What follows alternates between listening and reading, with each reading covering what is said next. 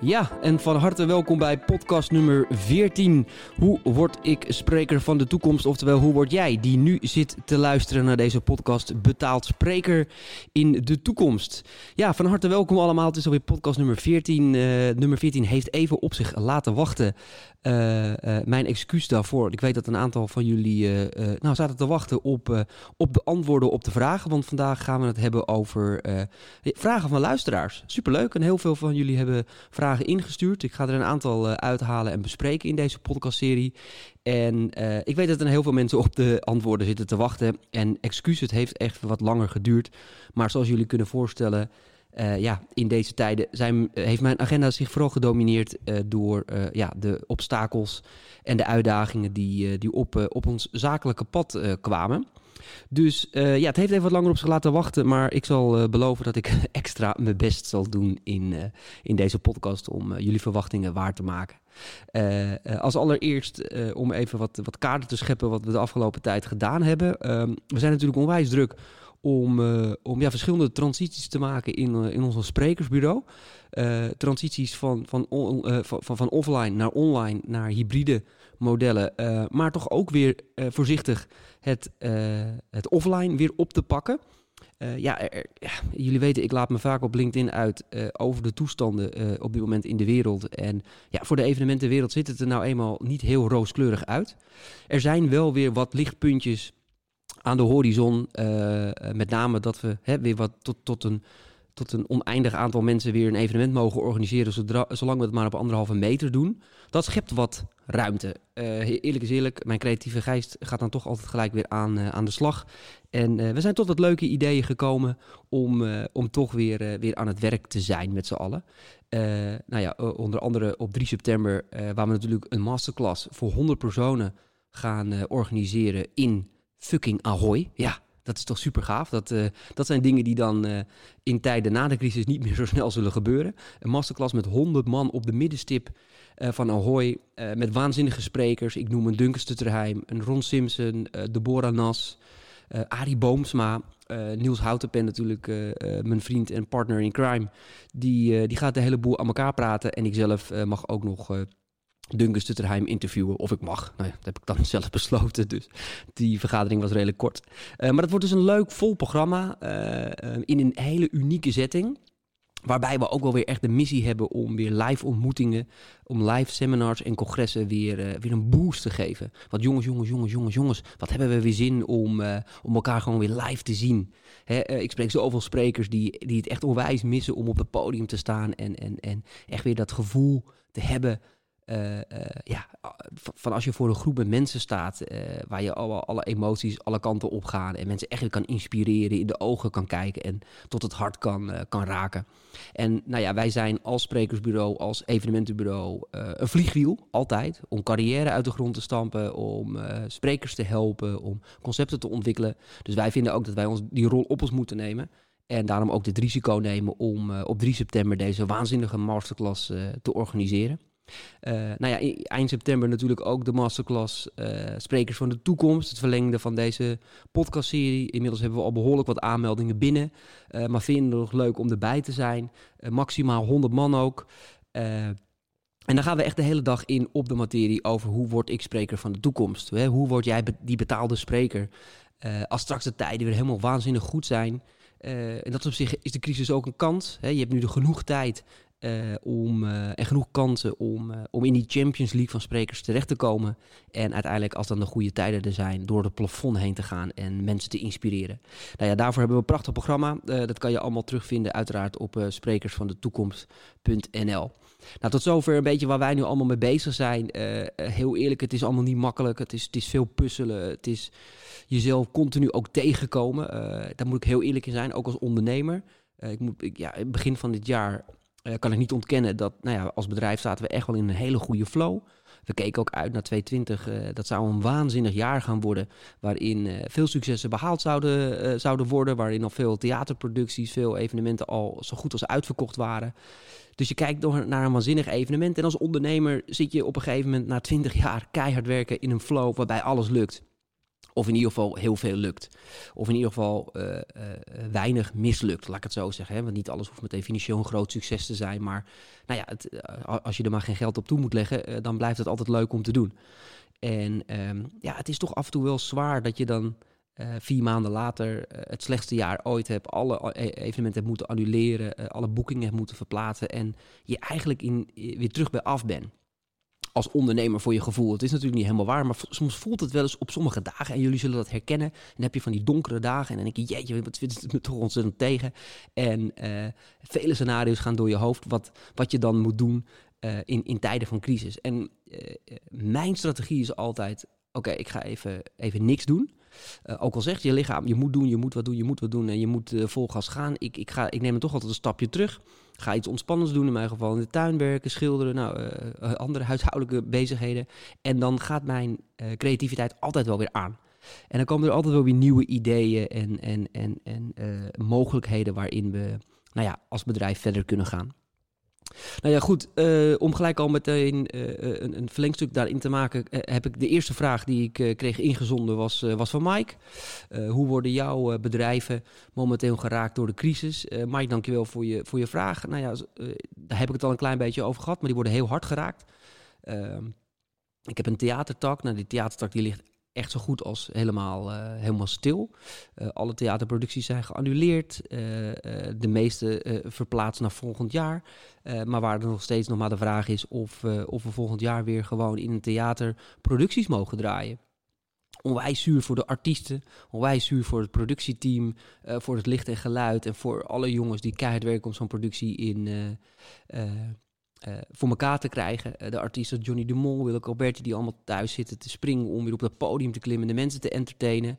Uh, het publiek hè, dat kaartjes heeft gekocht, maar misgrijpt en, en toch zichzelf moet gaan vermaken die avond. Dus al met al alleen maar verliezers. Um, en, en vooral die theaterwereld is ook schrijnend, hè, want in die theaterwereld zijn er zo weinig mogelijkheden door die anderhalve meter. Uh, kijk, als jij een enorme bak hebt met 2000 man, kan je, nog, kan je 450, 500 personen misschien aan. Dus dan kan je alweer een beetje draaien. Maar kleine theaters, ja, weet je, dat is, het, is, het is rampzalig. En ik zie het om me heen en ik spreek veel theaterdirecteuren en ik spreek veel producenten. En uh, ja, het is, het is schrijnend in die tak van sport, omdat ze weinig kunnen. En uh, er wordt er wel eens op internet uh, en op social media wel eens naar mij geroepen. Ook van ja, je spreekt je vaak zo negatief uit. Maar dit is ook een periode van kansen. En die moet je grijpen. En iedere ondernemer moet zijn verantwoordelijkheid nemen naar zijn bedrijf toe om er iets van te maken. En, en die begrijp ik. Die begrijp ik. En natuurlijk, weet je, dat proberen wij ook. Maar laten we ook niet vergeten dat er een hele grote groep ondernemers zijn. Die wel een bedrijf hebben. Uh, maar ja, weet je, ook uh, veel theaterdirecteuren, maar ook veel, ja, het, is toch een wat oudere generatie, doen al jaren wat ze doen. En dat voor hun is het extra zwaar om die transitie te maken naar een nieuw verdienmodel. En daar kunnen natuurlijk allemaal zeggen, ja, dat zijn geen goede ondernemers, maar dat vind ik echt te makkelijk en te kort door de bocht. want juist ook die mensen willen en zijn aan het kijken. Alleen ja, weet je, die zitten toch anders in de tijd en die zitten toch anders in de strijd. Uh, waardoor het voor hun die, die in, dat innoveren een stuk lastiger is. Vooral, vooral bij jonge mensen die, uh, die schakelen en doen en, uh, en, en ook de nieuwe markten wat beter kennen.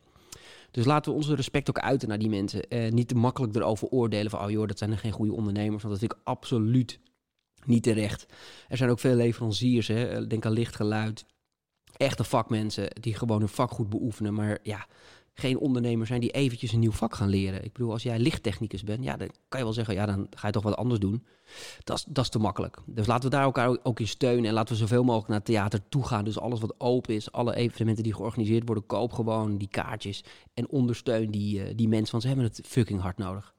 Uh, dus ja, Mike, onze, onze bedrijven worden hard geraakt. wij zijn financieel gezond en kunnen goed de toekomst tegemoet. maar wij zijn ook zeker, nou ja, als missie hebben we ook wel om al die kleine bedrijven die onder de hele tak van sport hangen, die achter onze productie zitten, om die, om die ook te ondersteunen. van Irma, de volgende vraag: wat doen jullie om toch te kunnen overleven in deze tijden? Ja, dat is natuurlijk Irma kritisch naar je verdienmodel kijken realistisch naar de toekomst kijken. Van waar gaat het nou naartoe met, uh, met de markt? En het antwoord daarop is dat weet niemand. Het enige wat je kan doen is iets doen. het ergste is wat je, nu kan, wat je nu kan doen, is niks doen en achterover gaan zitten en medelijden hebben met jezelf.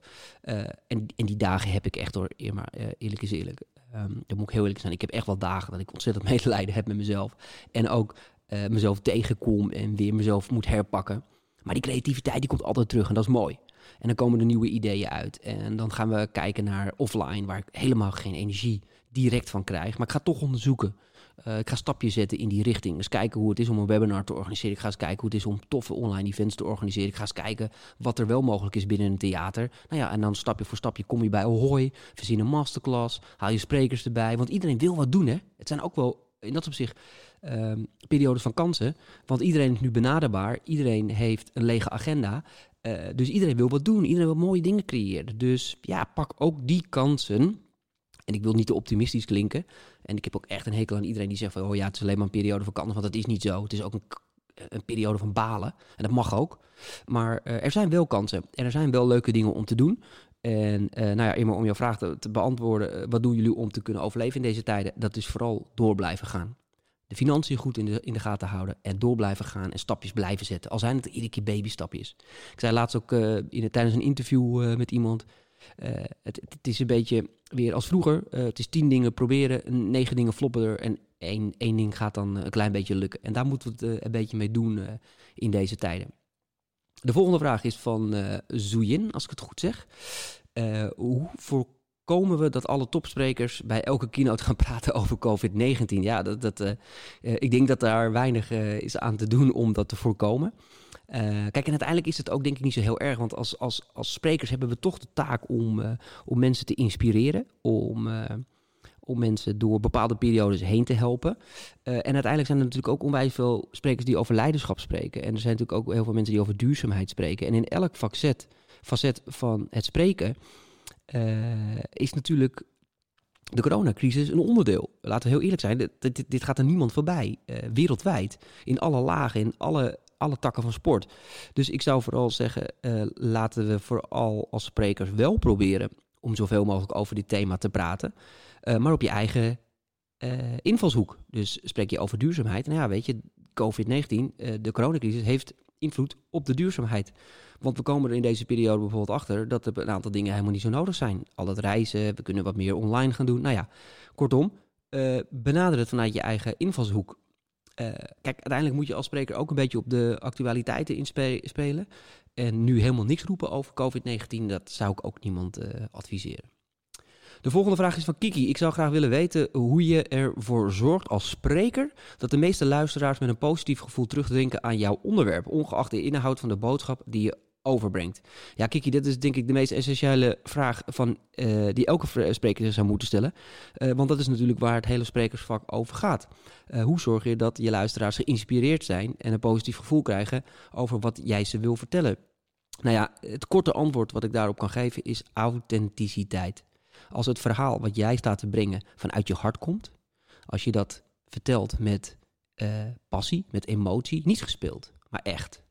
Dat je echt kan voelen dat waar jij het over hebt, dat het je passie is. Dan is het altijd interessant om naar te luisteren. En als jij mensen mee kan nemen in jouw verhalen, in jouw boodschap, in jouw ervaringen, in de dingen die jij hebt meegemaakt in je leven en je weet dat op een hele mooie theatrale manier te vertellen, dan zal je mensen altijd meenemen in jouw verhaal en dan zullen mensen altijd een positief gevoel overhouden aan het onderwerp, ongeacht de inhoud van de boodschap die je overbrengt. Ik heb wel eens eerder gezegd, ik heb hele goede technische sprekers gezien die de mensen niet wisten inspireren. En ik heb hele, uh, uh, nou ja, uh, ontechnische sprekers mensen tot huilen zien brengen. en hoe komt dat? Omdat de ene spreker een verhaaltje oplas en een stukje zat voor te lezen.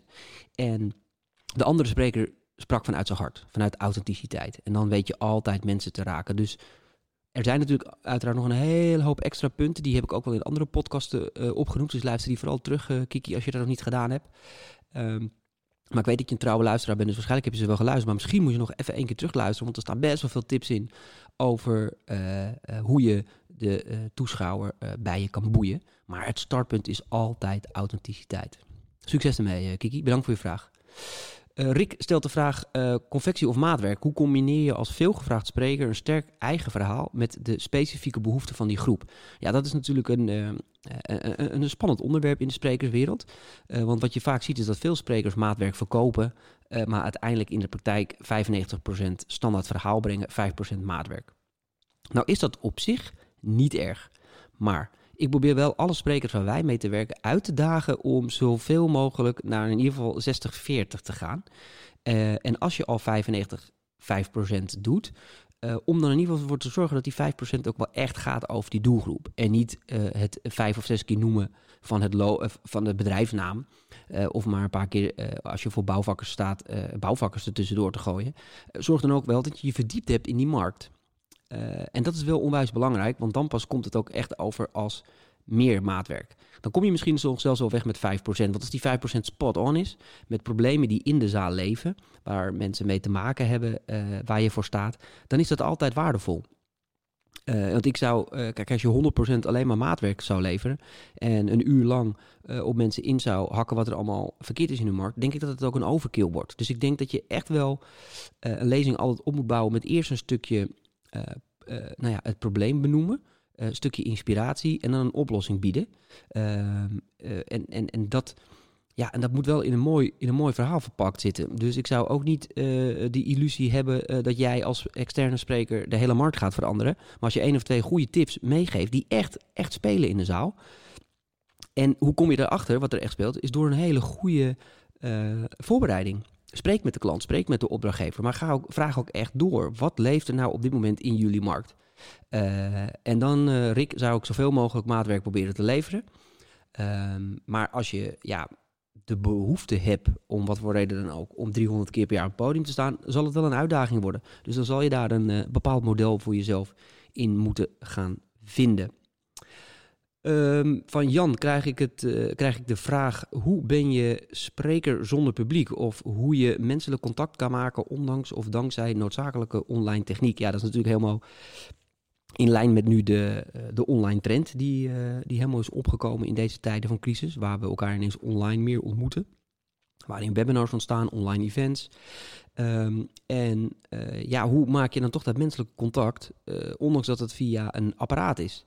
Uh, dat is natuurlijk best moeilijk. Um, ondanks dat ik dat zeg, zijn we inmiddels natuurlijk ook wel gewend om via online dingen te communiceren met elkaar. Via WhatsApp, via sms-berichten, via social media. Dus inmiddels heb, weten we allemaal al een beetje hoe je online communiceert met elkaar. Maar Rick, ik hoop, of Jan, ik hoop echt dat het menselijke contact uh, altijd weer terug zal blijven komen. Want je merkt dat ook met social media. Uh, uiteindelijk hebben mensen toch altijd wel weer behoefte om elkaar te vinden. En dat echte persoonlijke contact te hebben. Want hoe vaak hebben we wel niet een misverstand via WhatsApp met mensen. Omdat jij denkt dat iemand het op die, manier of op die manier brengt. Terwijl jij het gewoon op een verkeerde manier interpreteert.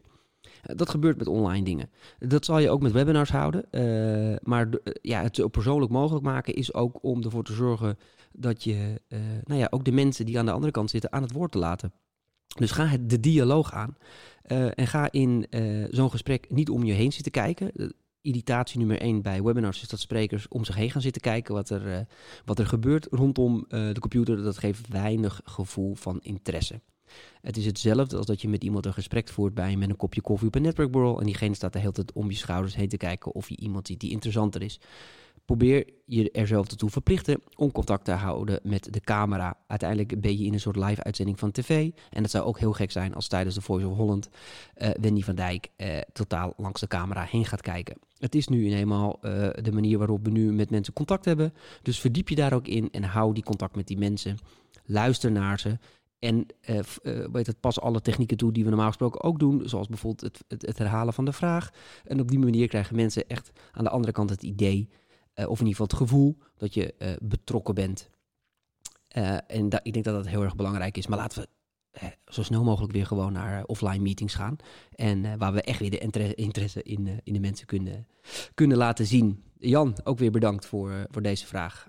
Uh, Gerard, uh, uh, mijn grote vriend, die mij laatst nog geïnterviewd heeft voor zijn mooie podcastserie. Kan je spreker erbij doen of niet? Oftewel, moet je als spreker altijd een fulltime spreker zijn? Of kan je ook een iemand zijn die er gewoon bij doet. Nou ja, Gerrit, ik denk dat de, het antwoord heel simpel is. Ik denk dat je het er zeker naast kan doen.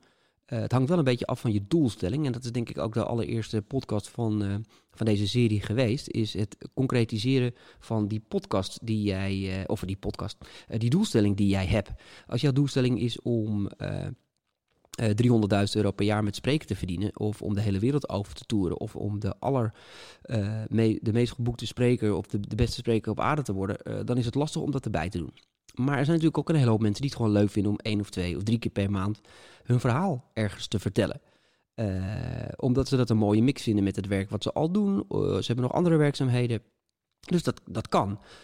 maar als je het idee hebt dat je het erbij kan doen en dan toch 30 keer per jaar of 30 keer per maand ergens kan spreken, dan denk ik dat het een desillusie gaat zijn. En dat is denk ik ook de frustratie waar veel sprekers mee zitten. Uh, zij doen het ernaast, eh, steken er een klein beetje energie in en vinden het dan gek dat ze niet de meest geboekte spreker worden van Nederland, omdat ze nou eenmaal zo'n fantastisch verhaal hebben. Ja, dat kan je wel vinden, maar je zal toch meer intentie er dan in moeten stoppen om inderdaad dan bij die Champions League van sprekers te komen. maar goed, als jij gewoon blij bent als spreker met drie klusjes in de maand of twee, misschien wel één, uh, ja, dan kan dat toch prima. Dan is daar, hoeft daar helemaal niks, uh, niks mis mee te zijn, volgens mij. Dus ik denk zeker dat het erbij kan. Uh, maar het hangt helemaal van je doelstellingen af, Gerard. Dus ik zou zeggen, als jij het gewoon twee keer per maand doen, moet je dat lekker doen. Why not?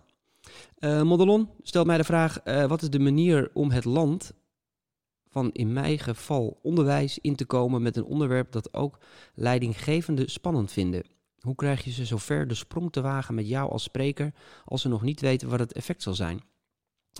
Uh, nou, Madelon, dat is een goede vraag. Oftewel, wat je wil weten is hoe je aan het werk komt. Uh, dat is volgens mij, uh, even kort gezegd, jouw vraag. hoe kom je in een markt terecht waar ze jou nog niet kennen als spreker? en zorg je er toch voor dat ze je boeken? Nou ja, dat is denk ik een, hangt af van een aantal verschillende mogelijkheden. En het eerste is denk ik, en het allerbelangrijkste is een hele goede marketing. Als jij eh, eh, een hele goede website hebt en je hebt goede uh, promotiematerialen die rijk zijn aan referenties, die rijk zijn aan video content, die rijk zijn aan podcasten, die rijk zijn aan live foto's, dan bouw je uiteindelijk het vertrouwen uh, van die, die, of win je het vertrouwen van die klant vanzelf. Uiteindelijk gaat een klant ook naar je website toe en die gaat kijken van god, we zoeken een spreker over onderwijs in dit geval. Nou, uh, laten we hopen dat ze dan via Google, dat zou in ieder geval, daar zou je voor moeten zorgen dat ze dan via Google bij jou terechtkomen. Of via via. Uh, wat natuurlijk sowieso het sterkste is als iemand anders wel zegt van god, die Madelon, die kan fantastisch over onderwijs spreken die moet je hebben. Uh, ja, dan hoef je waarschijnlijk ook niet super veel meer uit te leggen aan de klant. Uh, en zal, uh, zal je snel het vertrouwen hebben. komen ze op een andere manier bij je binnen, dan, nou ja, dan zal je toch op jouw website ervoor moeten zorgen dat, dat ze het vertrouwen krijgen in jou. of in ieder geval nieuwsgierig worden. Hè? Dat ze door jouw website getriggerd worden, uh, waardoor ze contact met je opnemen. Want op het moment dat ze contact met je opnemen, is dat natuurlijk de ideale uh, gelegenheid om ze te overtuigen van het feit dat ze jou moeten hebben. Uh, dat is natuurlijk niet veel anders dan bij elk ander bedrijf. Uh, uh, en dat is ook exact hetzelfde bij, bij jou als spreker. Maar ik zou in ieder geval zorgen, zeker in deze tijden, om je website gewoon zo rijk mogelijk te maken van content. Uh, zorg dat jouw visie op het onderwerp leiderschap in, in onderwijs, dat, dat die duidelijk vertolkt is op je website. Kijk daar eens kritisch naar. Kijk eens vanuit de ogen van je opdrachtgever. Uh, stel die directiesecretaresse krijgt van de directeur van, uh, van een groot onderwijsinstituut of een school de opdracht om een congres te organiseren en die komt op jouw website. Wat zal ze dan denken? Wat valt erop? Uh, jij zegt al, Madelon, dat je wil dat uh, uh, het over leiding geven in het onderwijs hebt, nou ja, dan is natuurlijk, dan moet daar je website van doordrongen zijn. En dan moeten je podcasten overgaan, dan moeten je video's overgaan. Je moet zeker uh, opnames hebben van live lezingen, want door dat soort dingen krijgen mensen vertrouwen van, hé, hey, die Madelon, dat, die weet waanzinnig veel over, over leiderschap in het onderwijs. en dan zullen ze contact met je opnemen. En dan nog steeds zal je die 20% moeten winnen. Maar tegenwoordig hebben we toch wel de mazzel. En hebben we toch wel het mooie dat we niet meer de telefoon hoeven op te, uh, op te pakken om koude acquisitie te doen. Uh, en dat mensen gewoon binnenkomen op onze websites. En dat is natuurlijk fantastisch, want daar kan je al heel wat procent winnen. Uh, van die 100 procent die je normaal gesproken aan de telefoon zou, zou moeten doen. Dus nou ja, Madelon, ik hoop dat ik een goed antwoord heb gegeven op je vraag. maar probeer in ieder geval mensen al in jouw promotie zoveel mogelijk te overtuigen van, van jouw kunnen als spreker. De laatste vraag alweer van, van deze podcast van Bram. heeft het zin om je als spreker uit te laten over COVID-19, oftewel de coronacrisis? dat is een goede vraag, Bram. Ehm, als je die behoefte hebt om dat te doen, zou ik het zeker niet laten. Uiteindelijk zijn wij als sprekers de profeten en de. Nou, de profeet klinkt misschien een beetje zwaar, maar het zijn toch wel een beetje de, de verkondigers van het, van het woord in deze tijden. En ik denk dat er heel veel mensen zijn in de wereld die behoefte hebben aan inspiratie. Die behoefte hebben aan een houvast. Die behoefte hebben aan een symbolische arm uh, om, om hun schouder. En er zijn miljoenen meningen en niemand heeft gelijk.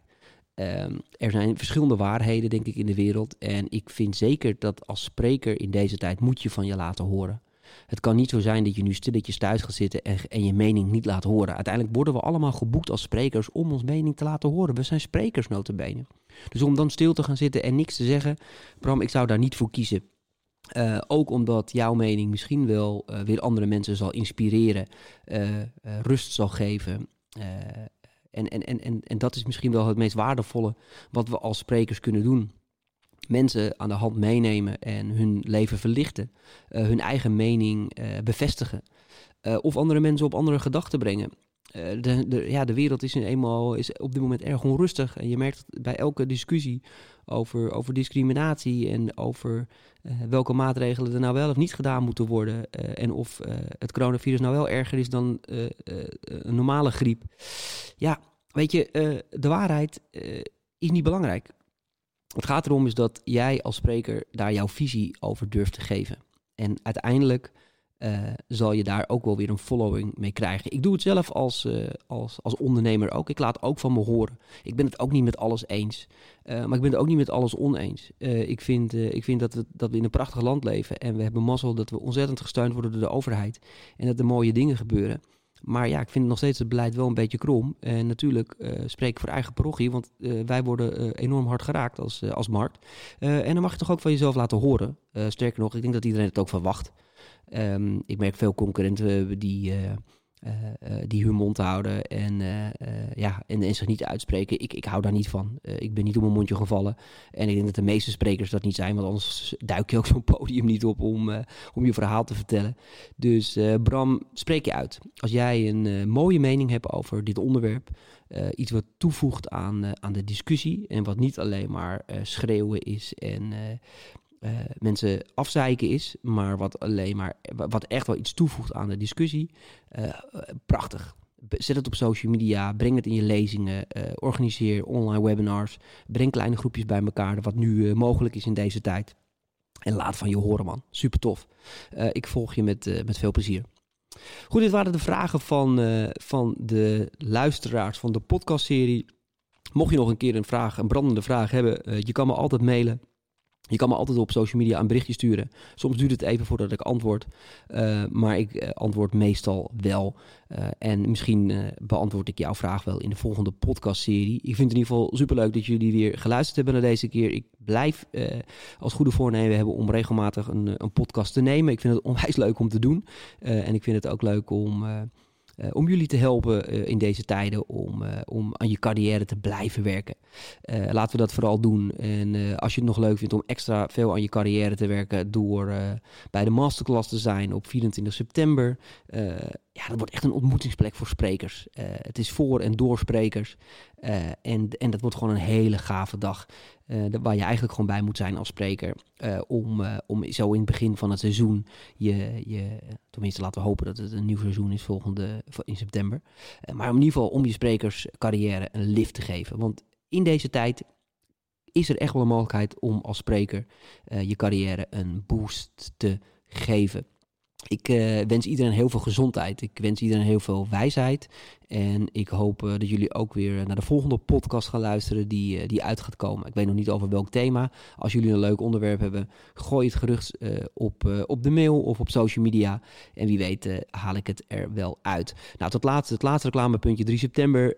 vind het leuk om de live industrie te promoten? Vind je het tof om geïnspireerd te worden als ondernemer? Ga naar businessonstage.nl.